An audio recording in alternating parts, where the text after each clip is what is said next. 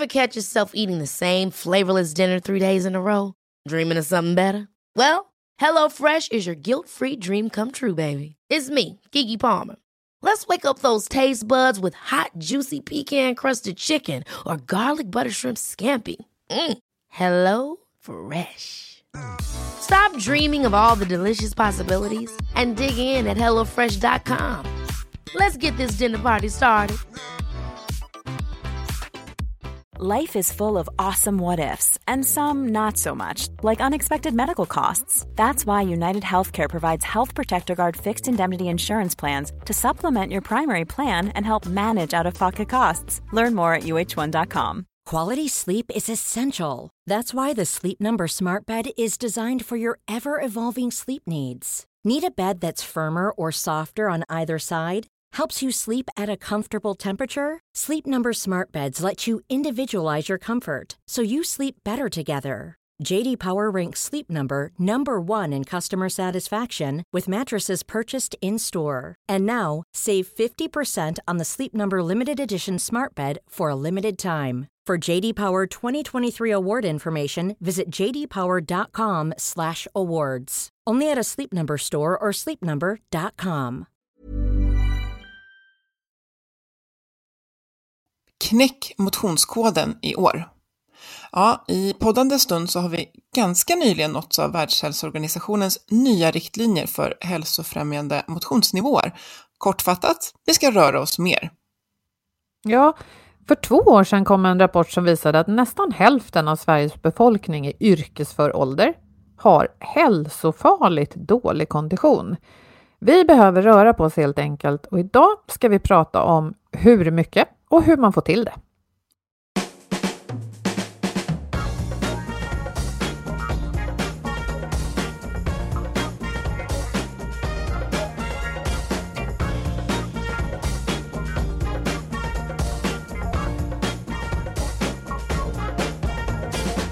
Du lyssnar på Health for Wealth, en podd om hälsa på jobbet. Trots att vi får det bättre och bättre så mår många av oss bara sämre. Nej, men så kan det ju inte fortsätta. Därför tar vi reda på hur företag och organisationer kan bygga långsiktig hälsa och lönsamhet. Och börjar vi på jobbet sprider det sig ofta även till resten av livet. Vi är Ann-Sofie Forsmark, jag driver företaget Oxigroup. Och Boel Stier, kommunikationskonsult. Lyssna på oss så får du nya insikter varje vecka. För dig som är chef, ledare, jobbar med HR och medarbetare förstås. Ja, idag ska vi prata om fysisk aktivitet och vi har redan nämnt det kan vara svårt att få till. Eh, Boel, hur lyckas du få till din rörelse och träning i vardagen nu för tiden? Så här, ja, just nu är det liksom 9-10 månader in i pandemin och många har hittat nya rutiner, men ja, rörelsepauser och träning, hur gör du? Mm. Jo, men jag har tvingat mig själv att ta en promenad mitt på dagen och en kort på morgonen också, alltså bara 10 minuter. Och det här har jag fått kämpa med att få in, för hur, även om jag gillar att röra mig så tar liksom jobbet lätt över. Men jag får ju liksom aldrig dagsljus annars. Jag tränar styrka på utegym, funkar fint, men flera av mina danskurser är nedstängda eller delvis nedstängda. Det här är jättetråkigt. Och ja, jag har blivit av med träning, så enkelt är det. Och jag tror att det är så här för många. Ja, det tror jag också. Och jag vet själv att jag kan låta som en sån här eh, klämkäck. Ja, men det är bara att gå ut i skogen. Men jag har full respekt för att alla vill inte göra det. Och det finns hjälp att få. Twitch, eh, vår samarbetspartner Twitch Health, de har Twitch on demand. Och det här är en hjälp för medarbetare att träna hemma. Det finns program som man kan följa. Man kan boosta sina vänner, man kan gå med i sociala grupper för att öka motivationen. Ja, och det bästa är att man kan utveckla hälsa och träning från den nivå där man själv är. Som andra ord finns det lugna pass, det finns pausprogram att använda mitt under en arbetsdag, mindfulness, men också riktigt ösiga och krävande konditionsprogram för den som vill ha sånt. Mm, en bra palett för att tycker jag, erbjuda medarbetare som man ska ha respekt för, har väldigt olika eh, intressen och behov. Och vi ska inte glömma de tipsen som också finns för hemergonomi, sömn, mat med mera. Och eh, ni kan läsa mer i länken som vi lägger på det här avsnittets inlägg. Men nu, ännu mer fysisk aktivitet, för vi ska välkomna Örjan Ekblom från GH. Gymnastik och idrottshögskolan i Stockholm. Och stämmer det Örjan om jag säger att du är docent i fysiologi och du forskar på hur aktivitet, stillasittande och kondition kan påverka en människas fysiska och mentala hälsa? Ja, men det, det är riktigt. Ehm, förr i tiden så var vi mer intresserade av hur mycket man behövde röra sig för att saker och ting ska hända. Nu är vi lite mer intresserade av hur lite man måste röra sig. Ehm, för det tänker vi är en vanlig sån här frågeställning. Hur, hur, lite behöver jag göra? Och då är vi just intresserade av, av, och det låter lite konstigt att dela upp det här i psykisk och fysisk hälsa. För det, de fysiologiska mekanismerna som ligger bakom det här är väldigt snarlika. Ehm, så att, så att, men det är alldeles riktigt. Jag är lite nyfiken på varför du håller på med det du gör. Vad är det som har fått dig på den banan du är? Ja, men det, det som är är väl att det finns en väldig lockelse i att, att ha en kropp som fungerar. Som inte, inte nödvändigtvis ska kunna springa maraton på, på väldigt kort tid eller sådär. Men att den fungerar, den gör det man behöver. Eh, och, och att det är ganska coolt system som vi är. Vi är kanske en kropp. Och börjar man, börjar man tänka på vad som händer med den och sådär så blir det en massa frågor som uppstår. Varför?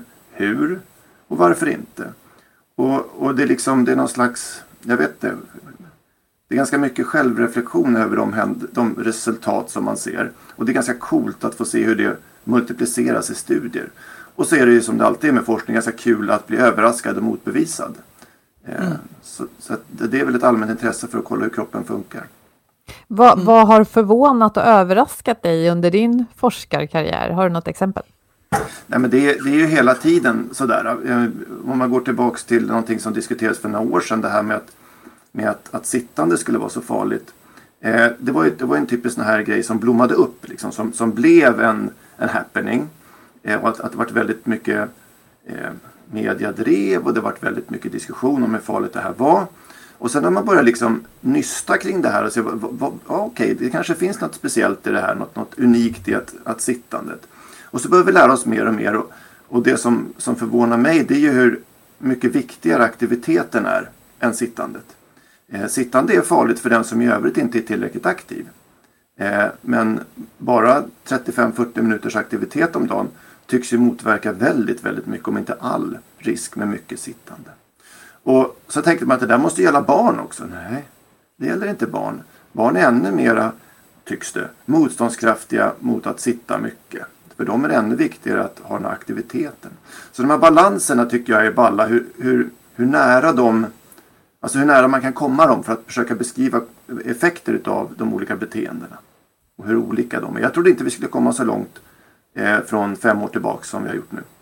Men mm. du har kommit långt. Jag tänker att vi andra som inte jobbar med det här kanske inte har kommit eh, riktigt lika långt. Vi som inte jobbar med de här frågorna varje dag. Mm. Och det du säger är att vi kanske inte ska fokusera på att det är dåligt att sitta, eh, utan kanske, tänker jag då, snarare fokusera på att försöka röra på oss regelbundet, eller? Ja, jag tror det. Nu är det så här att många av oss kan inte helt fritt välja eh, vad vi vill göra. Är man lyckligt lottad och jobbar på ett kontor och, och, och har liksom det förspänt på andra sätt så kan man kanske både cykla och promenera till skolan eller till jobbet. Eh, och på jobbet så kan jag välja om jag vill sitta eller stå. Det är inte alla som har den lyxen.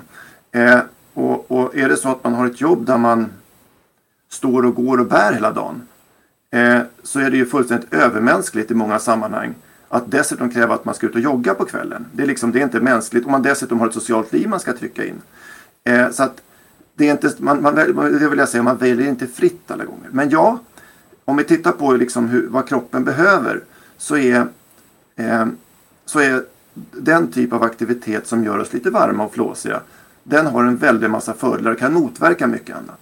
Bekymret som jag nu tror är att den som har ett aktivt jobb som man står och går på jobbet mm, får förvisso inte mycket stillasittande men får heller inte, kanske då som vi sa, mänskliga skäl, träning på kvällen. Så man får liksom inget av det riktigt grann. Och dessutom så om man tittar noggrant på det där så står man och går hela dagen utan att få tid till träning. Då går man omkring med ganska högt blodtryck under längre tid. Och det är inte det är liksom inte lyckligt. Så att ja, träningen i sig har jättemånga fina egenskaper som jag tror man ska, som man ska fokusera på. Och, och det viktiga här det är att man måste börja sovra. Jag är lite sugen på att någonstans skriva en bok där man tar fram liksom the, the big five. Och det mm. behöver inte bara handla om fysisk aktivitet. Antagligen skulle röka komma in. Mm. Det är bland det mest korkade man kan göra hälsomässigt. Va? Alkohol skulle nog helt säkert komma in för att det är inte bara du själv som, som skadas av det utan det är en hel generation i värsta fall. Det är hemskt. Va? Eh, men antagligen skulle fysisk aktivitet komma in som en av de här Big Five. Eh, och, och sen vet jag inte om det finns någon kostfaktor som skulle dyka in där till. Det vet jag inte. Vi kanske skulle prata om sömn eller någonting till. Men för att nu, nu, nu är det så många saker som anses vara viktigt. Så, och, och, och, och jag, folk har ju annat för sig än att fundera på hur man ska leva för att vara frisk. Så att man kunde hitta de viktigaste sakerna och säga att se till att röra dig, rök inte och drick måttligt mycket så kanske du är home free. Så kan du fokusera på vad du nu tycker är kul. Spela musik, samla fri, fri, frimärken, whatever. Mm. Någonstans där, för det, det, är bra med information men, men oftast, och det handlar om vetenskaplig kommunikation, att man vill nå ut med sin nya artikel för att kanske lägga det till grund där man ska söka pengar igen och så vidare. Det är inte riktigt lyckligt. Nej, men det blir väl lätt lite så här clickbait-rubriker. Åh, mm. sitter det nya rök och så går någon minister ut och säger att det är det viktigaste att vi kämpar emot och så där. Men, men är inte problemet lite grann det här att vi vi är några i befolkningen, jag vet inte hur många procent, som rör på oss regelbundet. Vi har fått till det, men vi är alldeles för få. Och resten tycker att vi andra är hurtbullar som bara är tråkiga. Ja, ja det, där är, det där är ju huvudet på spiken. Va? Alltså, tänk om, och, och det, jag slåss lite grann mot det här eh, sport, sportigheten i de här, eh, den här, hela den här diskursen. Eh, vi har inget bra ord för det. Eh, andra språk har mycket bättre ord för att göra särskiljning på, på idrott, tävlingsidrott och den typ av fysisk aktivitet som vi, som vi liksom har här. Det här är ju ett medel för att, eller medel, ja det är ett medel, det är viktigt för övrigt, men det kan vi ta strax. Det är ett sätt att, att, att till, alltså, tillfredsställa det behov som kroppen har. Mm. Eh, på oss. Vi beter oss ju inte alls som den är, som den är framevolutionerad som ju. Eh, och, och, det är det som det här ska ses som. Och det kan man både prata om när det gäller medel men det handlar också om, om när det gäller att försöka skaffa sig en, en bild om varför man gör det här. Det handlar om att man ska fungera. Men, men, så att det är väldigt mycket sport i hela diskursen. Och då tänker jag ibland så här, tänk om det skulle vara en, en idrott att borsta tänderna. Jag vet inte hur det skulle se ut, men alltså vad, vad, vad, vad hetsigt det skulle bli. Och nu gör vi det av den enkla anledningen att vi försöker undvika karies och, och löständer, ont i tänderna och så vidare. För den har liksom inte den grejen. Eller att ha cykelhjälm med något annat fån till exempel. Men det finns en väldig belastning i just det här i att vara eh, hurtig och man ska vara duktig. Liksom. Och då, då för det in lite grann tanken på att man gör det här för görandets skull. Det vill säga vi tränar för att för att man ska träna av någon anledning som inte riktigt är uttalad. Och då blir träningen målet och det tror jag är farligt. Visst finns det massa härliga upplevelser i att cykla med kompisar eller gå på gymmet eller dansa eller vad ni vill.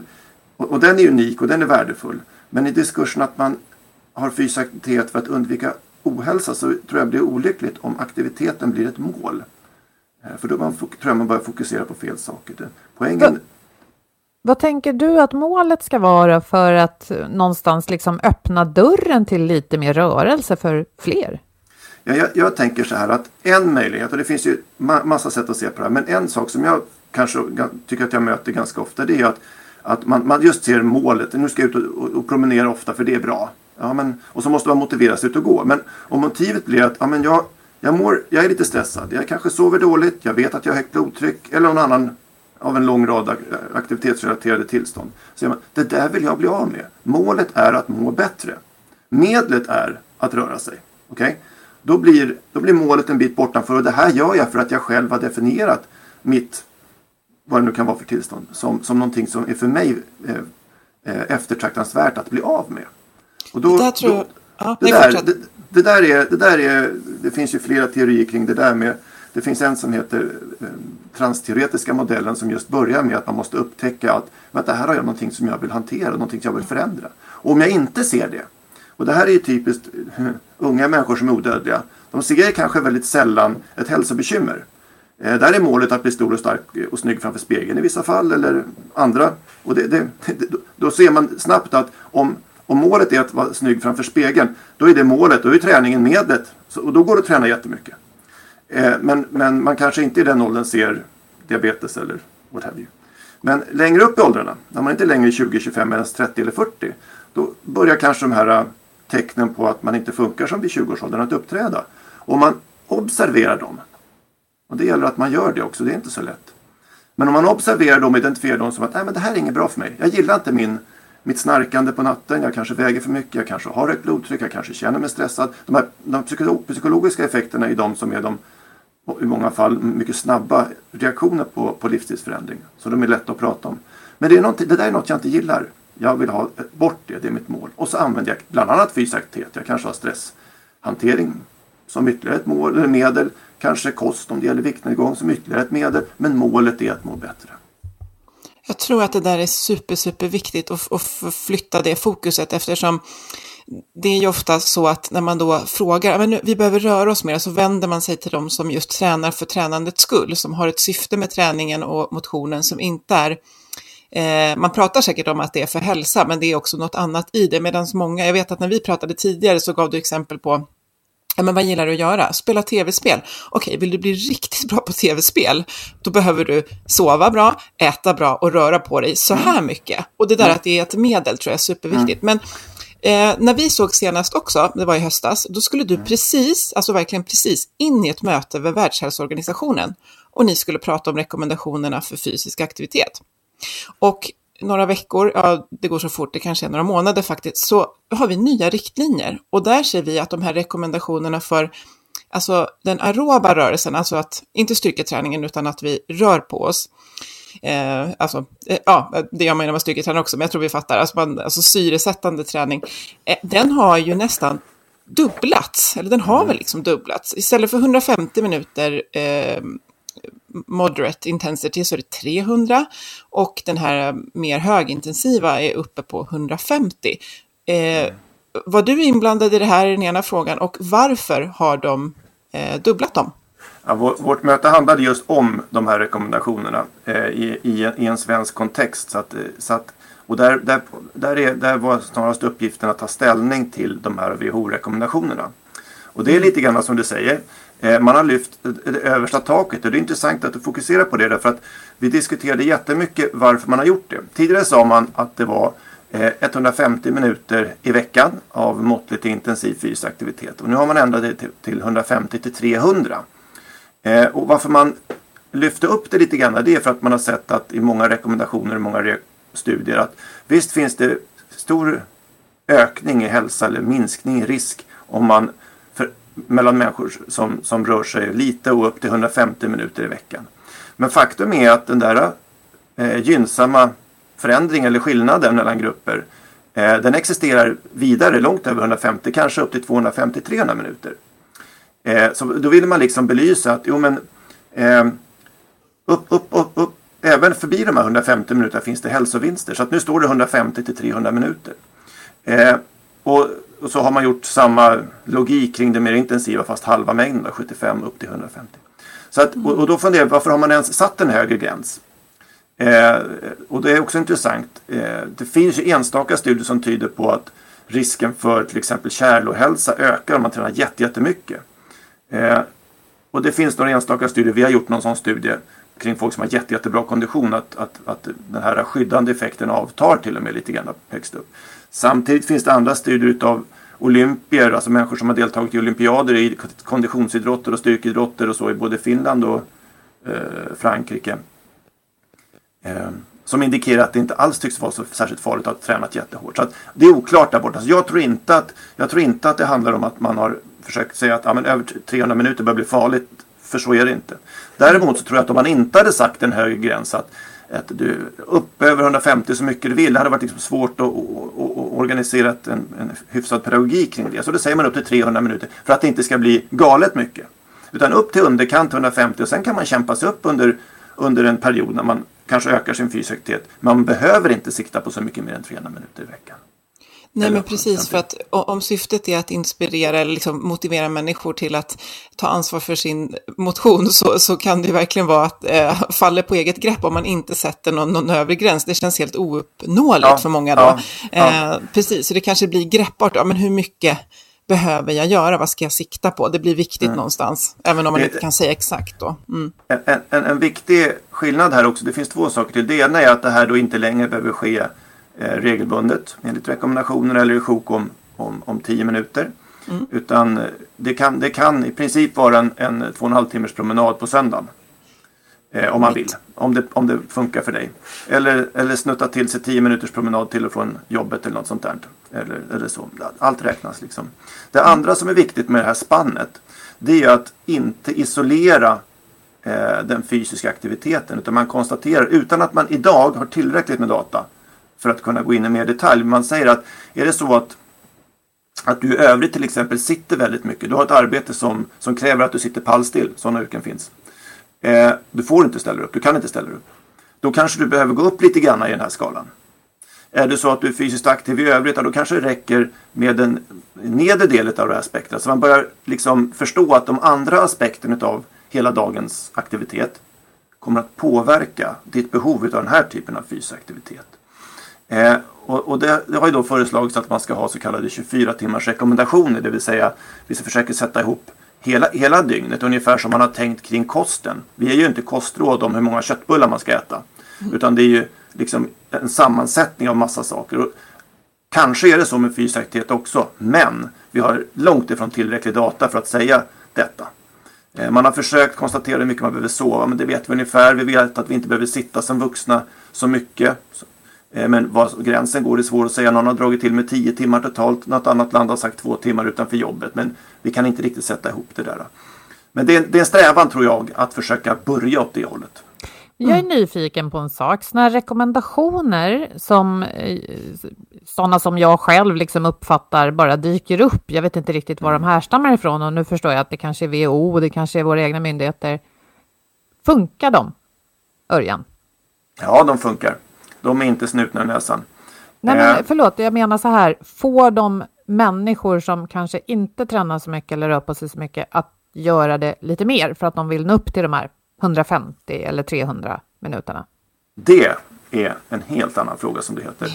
Eh, därför att vi, nu vet vi vad den, vad den effektiva dosen är. Och det är ingen bifråga. Om vi ska börja rådge folk så måste vi veta vad vi ska rådge om. Och här står vi fortfarande rätt, ganska trubbiga instrument. Därför att det är naturligtvis inte så att 150-300 minuter gäller alla. För att motverka alla typer av ohälsa. Så det här kan vi ju, kan vi ju antagligen både minska och höja men framförallt specificera. För dig som medelålders man med högt blodtryck så ska du köra styrket, whatever. Vi vet inte ännu. Men det är det första. Va? Så, men det är på väg. Vi vet i alla fall vad vi idag kan rekommendera. Eh, och det är vadet. Vad ska vi rekommendera? När det kommer till huret eh, så är den först och främst individ beroende. Har vi en person som inte har eh, identifierat eller som inte har ett uttalat hälsobekymmer eh, då, då, då måste man hantera det på ett, på, ett, på ett sätt. Har man en person med, med eh, haft en hjärtinfarkt eller haft en drabbats av diabetes för att det är diagnostiserat. Ja, men då har man ett, annan, en annan, ett annat sätt att, eh, att samtala. Det vi vet idag det är att om vi går till individen självt och fråga vad problemet är och vad man vill uppnå och anpassa råden efter den personen. Och i synnerhet om vi kan lägga till eh, olika typer av mått. Och jag är ingen sån här jätteförespråkare av Quantify Myself men det finns studier som visar, och jag tror också att det är så mer än det visat, att kan vi ge ytterligare liksom stöd för en sån här förändringsdiskussion, till exempel av en inspelad rörelsevecka eller något sånt där, så kommer man längre. Men inom hälso och sjukvården finns det mycket att göra. Inom företagshälsovården finns det mycket att göra. Inom friskvårdsbranschen finns det mycket att göra. Eh, och, och, här, här alltså när det gäller beteendeförändring, interventions och inter, interventionskunskap. Eh, där, där, det är där vi står och gräver nu. Det är det vi gör. Vi försöker förstå hur det här kan ske. Både individuellt och strukturellt på till exempel arbetsplatser och skolor. Ja, det är en för... helt annan framgång. Ja, och det är ju knepigt och svårt och trubbigt för en arbetsgivare till exempel som ser värdet av att eh, medarbetarna ja, men bara rör på sig. Allt ifrån ta korta pauser mitt under en sittande arbetsdag till exempel, mm. eh, till att faktiskt även röra på sig på sin fritid. Det finns en integritetsfråga där och ja, det kan vara svårt. Mm. Och dessutom, vilka rekommendationer man än ger, vilken typ av stöd man än ger, så kommer varje individ att uppfatta och hantera det på helt olika sätt. Mm. Så vad, vad, det här är ju supersvårt naturligtvis, men, men du som kan där Örjan, vad, vad tycker du att arbetsgivare eh, ska göra om man inte gör någonting i att stötta sina medarbetare idag när det gäller rörelse? Vad ska man göra då? Det första är att inte betrakta fysisk aktivitet som någon annan del eh, av hälsouppgiften som chefen har. Chefen ska kolla att, att medarbetarna inte super. Så det är svårt. Eh, man, ska för, man ska försöka hjälpa folk att sluta röka. Det är inte lätt, det är svårt. Eh, och fysisk aktivitet ska inte komma på någon annan plats än på samma sätt. Det ska inte vara mer integritetskrävande, kränkande eller någonting annat. Det är det första att man, man ser det och det är ett, en jättestor utbildningsfråga eh, bland många tror jag. Eh, och sen eh, när det gäller vad man kan göra. Vi har precis avslutat en stor studie där vi har eh, försökt att bibringa, tillsammans med stora arbetsgivare, eh, deras, alltså, företag som, som, som deltog i studien, och medver- inte deltog i studien som försöksperson, utan var med, medproducenter av den här forskningen. Eh, där de deltog i, i, i, rollen som arbetsgivare då. Och där vi identifierar eh, stillasittande på jobbet, inte som primärt en, en, kanske en kardiovaskulär riskfaktor, men som en riskfaktor som påverkar eh, hur mycket vi, eh, hur vi klarar jobbet. Så regelbundna frekventa avbrott på arbetet är, jag vet inte om ni kommer ihåg förr i tiden fanns det ett litet gem som poppade upp på datorn. Man kunde få tips om att ställa sig upp och stretcha lite grann. Det var rätt. Det var rätt liksom. Och de här liksom ringklockorna och det finns ju något som heter vet du, tomatmetoden eller vad den heter. Där man ska röra sig med jämna mellanrum. Det, det, där finns det någonting. Där finns det någonting. För att hålla mm. skärpan. Eh, sen det som kan ligga utan. Och, och, och, och på arbetsplatsen ska vi nog också inte. Under arbetsdagen ska vi nog kanske inte röra oss för intensivt. I alla fall inte om man är ovan att röra sig. Eh, därför att efter aktiviteten så får vi lite stresspåslag. Eh, det kan kännas skönt och tungt i kroppen men det är nog bättre att vänta med den typen av aktivitet till eftermiddagen kvällen. Fördelen där är att den typen av aktivitet, om vi sticker ut och joggar eller tar en snabb promenad, simmar, cyklar, skidar, gymmar, så kommer vi med stor sannolikhet att få bättre kondition. Och konditionen i sig har en väldigt fin effekt på eh, minne, på eh, kognition, i, i, många aspekter av kognition. Så det, det, är liksom två saker man får hålla isär. Och, och, när man nu börjar komma ner på detaljer, vad ska man göra? Då börjar också bilden klarna för många arbetsgivare. Vad är det jag behöver göra med min grupp? Jag har en grupp som aldrig rör på sig. Okej, okay, då kan jag nog inte börja förespråka att vi ska ut och springa tillsammans på jobbet. Det kommer ingen att vilja vara med på. Vi får börja i ena ändan och börja prata om att det är segt, man sitter och gäspar. Eh, det är jobbigt strax före lunch. Ja, men låt oss tala om det bekymret i gruppen. Här är någonting vi kan försöka, försöka bli av med. Och eh, att få stå upp under möten är ju någonting som man kanske kan uppfattas som lite stressad eller förbannad om man ställer sig mitt under. I synnerhet om det är ett formellt möte. Eh, eh så. Eh, men det går att komma runt i de mest stela och formella situationerna att man ställer sig upp. Eh, och acceptera att jag är en kropp och jag, jag måste få andas, jag måste få röra mig. Snart måste jag få dricka lite vatten. För att eh, tänka bra och För att tänka bra, bra för att funka bra. Jag är fokuserad på det här arbetet, på det här mötet som du och jag nu. Vi ska prata med saker som vi bägge uppfattar som, som centrala, viktiga och angelägna. Jag vill inte sitta här och gäspa, jag vill ställa mig upp och vara så duktig och professionell som jag kan. Och det gör jag genom att se till att den kropp jag är funkar så bra som möjligt. Jag ställer mig upp nu. Eh, så att bara att, att, lyfta, ta av kavajen liksom och säga att jag är en kropp, jag måste få göra de här sakerna. Eh, och börja i den ländan. Sen kommer frågor ställas och så kommer man kunna, kanske, det här är, det är så Beroende och eventuellt tyvärr också då lite individberoende. Och det är ju någonting som vi ser inte minst i skolan när vi försöker göra samma saker där. Att det är eldsjälar och bla bla bla som, som, som, som gör rörelser ofta väldigt sköra. Och det är därför vi i studier vi gör på skolbarn som vi gör just nu, det är det som vi ska tillbaka till strax Eh, där vi försöker hitta minsta möjliga rörelsemängd som ska vara effektiv men inte sabba skoldagen. Men också få detta inskrivet i styrdokument så att det inte blir tomtebloss och, och eldsjälsberoende. Ja, men att inleda de här samtalen, det tycker jag låter mm. eh, klokt Örjan, för ofta tänker man kanske att ja, vi fixar gymkort och sen så gör vi de här undersökningarna, alltså att man är på sån här väldigt övergripande nivå hela tiden. Ja, tyvärr kostar det pengar. Men det kostar ohälsa också. Ja, verkligen. I många företag så är, så är personalomsättningen inte alls en liten grej. Det är en stor sak. Det är, det är en, tyvärr va. Så, att, eh, så, så, är det. Det var något annat jag skulle säga klokt där, men det får ut. Det var nog inte så klokt. Men jag tänker mer då än att starta samtalen. Eh, för där måste man ju då hålla i det så att det inte blir tomtebloss och ett samtal en gång. Att någon vågade ställa sig upp nästa gång man hade möte och sen glömde alla det. Eh, för att om alla sitter hela tiden så kan det vara svårt för en att ställa sig upp. Mm. Eh, men sen att hitta någon typ av struktur för det här, tänker jag eller ett, ett, ett görande som man kan liksom repetera i vardagen. Och då tänker jag bara, nu hittar jag på här, att kanske chefen själv påminner sig om att då och då ställa sig upp och ta de här korta rörelsepauserna så att andra ser det. Jo, jo, det är absolut. Chefen måste gå först. Och, och det, det, ehm, de företag som jag har jobbat med som har, som har fått snurr på det här.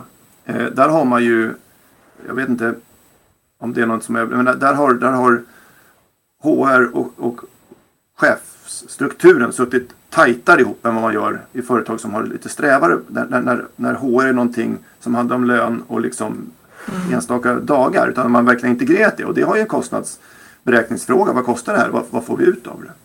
Eh, men jag, jag, jag, utöver att chefen ska göra det. Eh, då, är vi, då är görandet i fokus.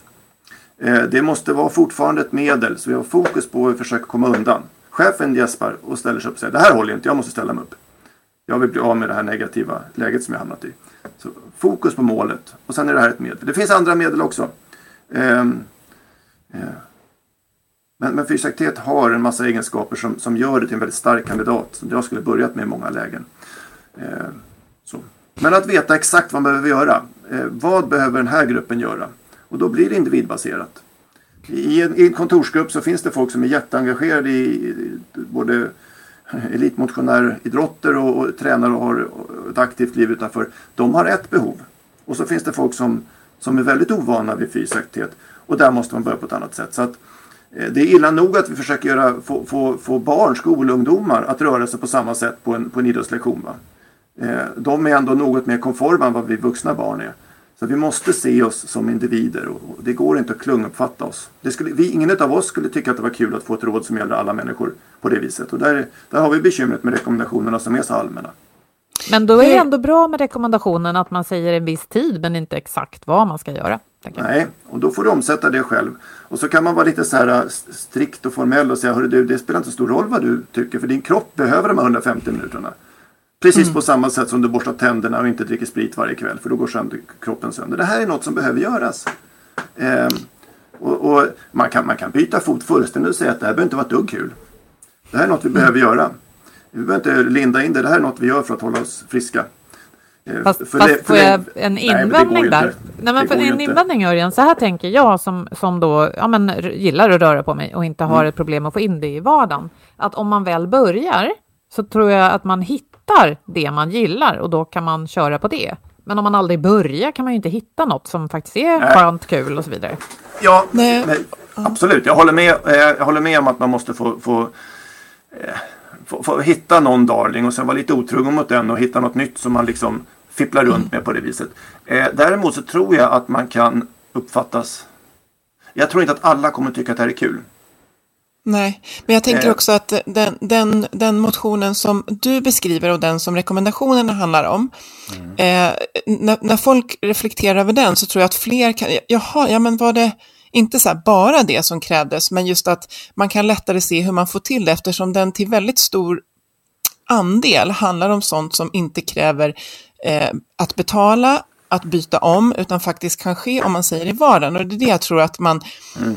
man verkligen behöver lyfta fram. Men jag tänker också på det här, för du säger att ja, men det är generella rekommendationer och det ser vi, men jag behöver göra dem till mina och de kommer vara unika för mig.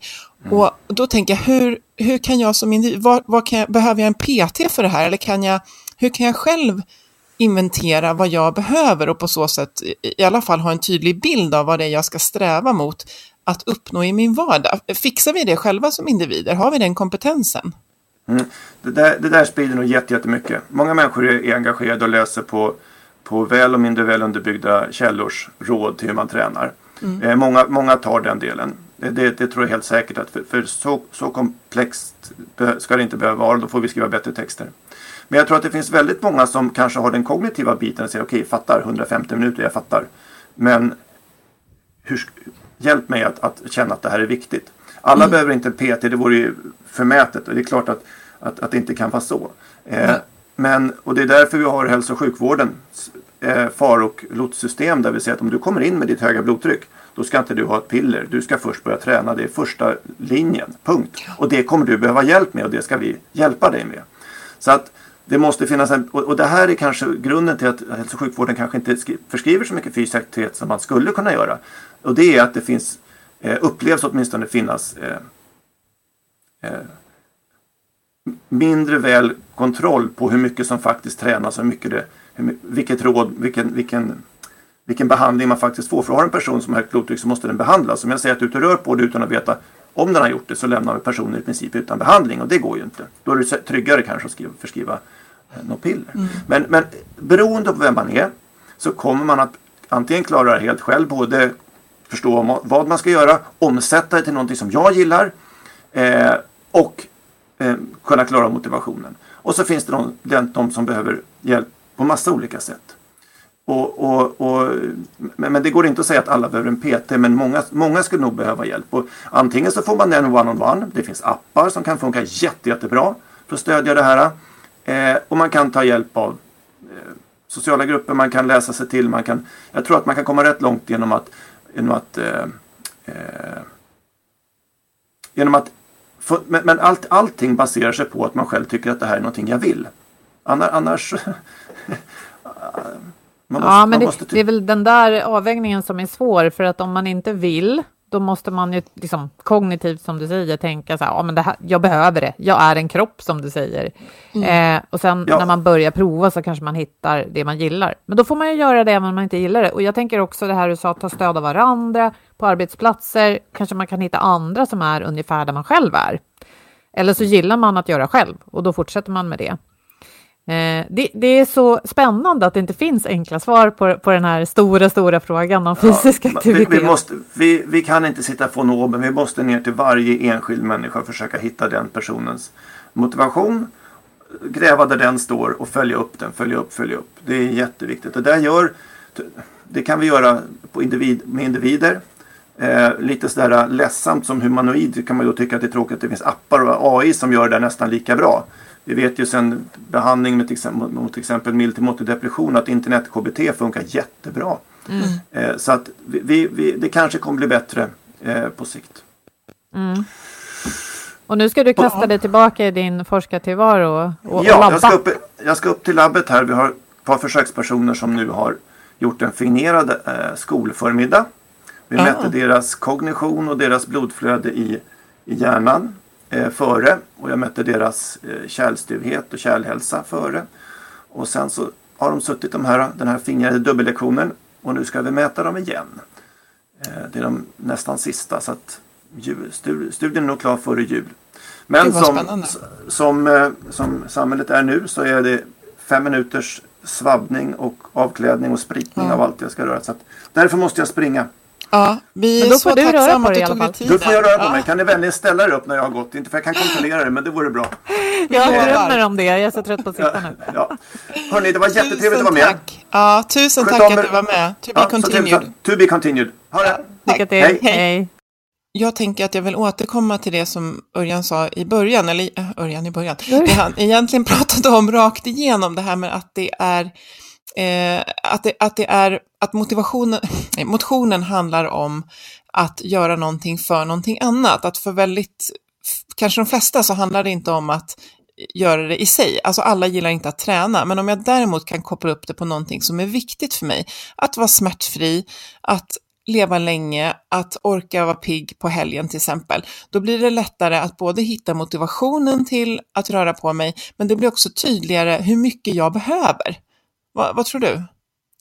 Ja, för mig var det där nyttigt att höra, för jag kan ibland känna, eftersom jag då tillhör de som har hittat den här glädjen i att röra mig. Eh, jag har ju en massa andra saker som jag inte lyckas klämma in i min, min vardag. Eh, men då blir jag gärna så att jag vill liksom frälsa människor. nu skojar jag lite, men mm. jag tänker att om du börjar hitta din grej som du tycker om så kommer du att känna precis som jag gör att det här är så härligt och skönt och att du längtar efter det. Men du har rätt, det kanske inte är så och det är ju kanske också en del av felet som sådana som jag och möjligen du gör.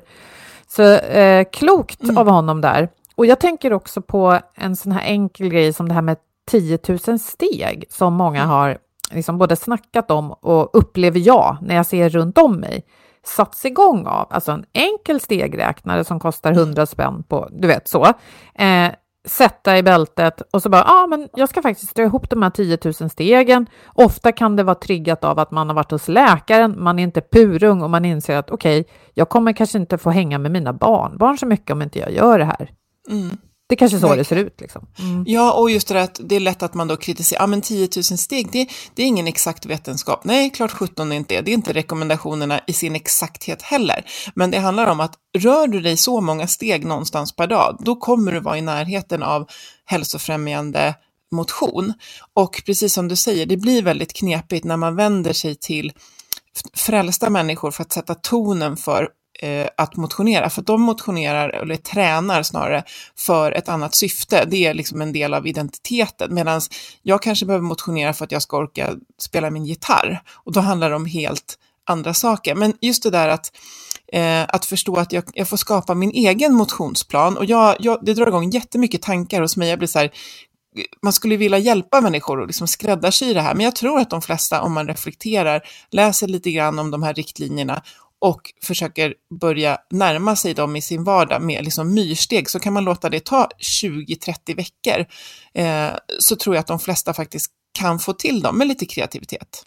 Ja, och jag tänker att eh, återigen behöver jag eh, försätta mig utanför mig själv, för att jag, för, för mig, jag gillar inte det här med 150 minuter i veckan. Jag tycker att det blir så Ja, till att börja med kan jag inte fatta varför man inte snackar om timmar. Då måste jag tänka så, ah, hur många timmar är det? Eh, förstår du, jag gillar inte det där. Men jag inser ju att många som inte är som jag kan gå igång på det här lika väl som man går igång på 10 000 steg. Att jaha, men all right, då kanske jag måste ut där en och en halv timme eh, och så kan jag sprida ut det över veckan. Och någonting som han sa här, ja men du kan ju ut och promenera. Du måste inte ja, hurta runt i lysande västar och liksom göra saker väldigt fort eller väldigt liksom, intensivt. Ut och gå för tusan. Då har du ju liksom kommit väldigt långt. Men där kan jag också, jag tror vi har pratat om det förut, men jag kan också ha, tänka de här rekommendationerna är ofta så här, ja, 100, 150 minuter i veckan räcker, men det måste komma upp i väldigt hög puls under mm. väldigt många av de där minuterna och då blir jag så här, ja men okej, nu har ni pajat allting. Kan det inte bara få räcka att man ska röra på sig en och en halv timme i veckan? Inte för de allra bästa hälsoeffekterna, men om man tittar vad som gör mest skillnad, om du inte gör någonting, så kan du få liksom, procentuellt väldigt mycket effekt av att bara liksom, resa på dig och gå tio minuter. Och det där, precis det du är inne på nu, tycker tror jag är så viktigt för många som är långt ifrån de här rekommendationerna och som nu då med de nya rekommendationerna känner sig ännu längre. Det blir så här målsnöret ja. bara försvann i horisonten. Det blir inte bra heller. Att förstå att allting du gör gör väldigt stor skillnad och effekten på hälsa blir ju liksom mindre ju närmare du når eh, toppnivån. Så att mest liksom stiger den här kurvan när du går från att inte göra någonting. Och det vet jag att Örjan också brukar eh, prata om. Jag gjorde ett försök, det var väl i början på eh, den här coronatiden, eh, att, att försöka göra en veckoplan för hur man kan uppnå de rekommendationerna som gällde då. Och jag funderar på om jag skulle uppdatera den bilden och vi skulle lägga den i det här avsnittet. Det är ett exempel på hur en vecka kan se ut eh, om man vill nå rekommendationerna. Jag tycker inte den ser blodig ut. Eh, och Vad skulle sagt, den bestå av då? Ja, men det är det här att bryta stillasittandet, att eh, raska promenader, men att ja, du behöver byta om och bli flåstrött några gånger i veckan på det sätt som du tycker om. Och sen två gånger i veckan göra enkla muskelstärkande övningar för stora muskelgrupper. Och där kan vi också, det finns jätte, jag tror Stockholms stad som har lagt ut tips på just att ja, men jag har inget gym och jag behöver träna mina muskler, vad ska jag göra? För det är absolut inte så krångligt som det lätt eh, utmålas.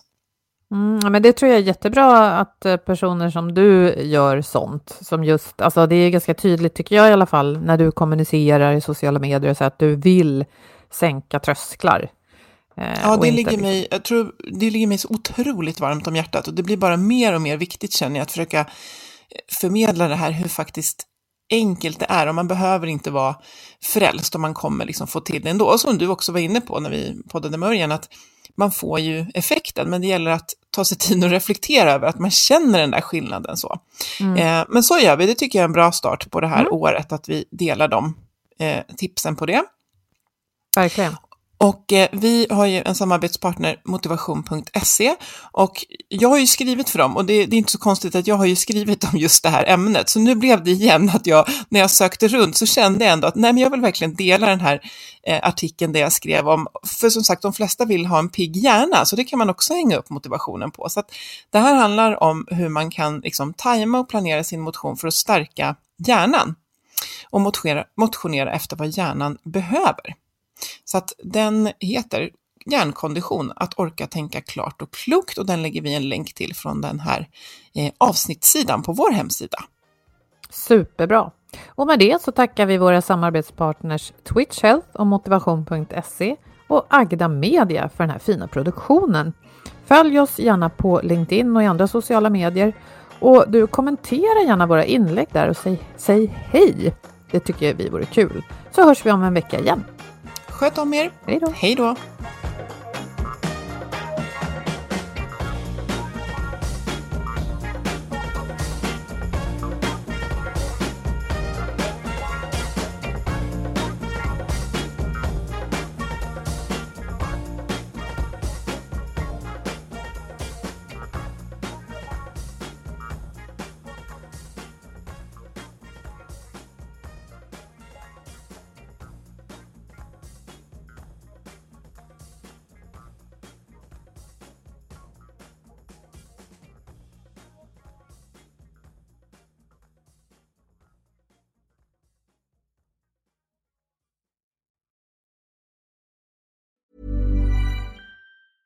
Ever catch yourself eating the same flavorless dinner three days in a row? Dreaming of something better? Well, HelloFresh is your guilt-free dream come true, baby. It's me, Gigi Palmer. Let's wake up those taste buds with hot, juicy pecan-crusted chicken or garlic butter shrimp scampi. Mm. Hello Fresh. Stop dreaming of all the delicious possibilities and dig in at HelloFresh.com. Let's get this dinner party started. Even when we're on a budget, we still deserve nice things. Quince is a place to scoop up stunning high-end goods for 50 to 80% less than similar brands. They have buttery soft cashmere sweaters starting at $50, luxurious Italian leather bags, and so much more. Plus, Quince only works with factories that use safe, ethical, and responsible manufacturing. Get the high-end goods you'll love without the high price tag with Quince. Go to quince.com/style for free shipping and 365 day returns. Mom deserves the best, and there's no better place to shop for Mother's Day than Whole Foods Market. They're your destination for unbeatable savings, from premium gifts to show-stopping flowers and irresistible desserts. Start by saving 33% with Prime on all body care and candles. Then get a 15-stem bunch of tulips for just $9.99 each with Prime. Round out Mom's menu with festive rosé, irresistible berry chantilly cake, and more special treats. Come celebrate Mother's Day at Whole Foods Market.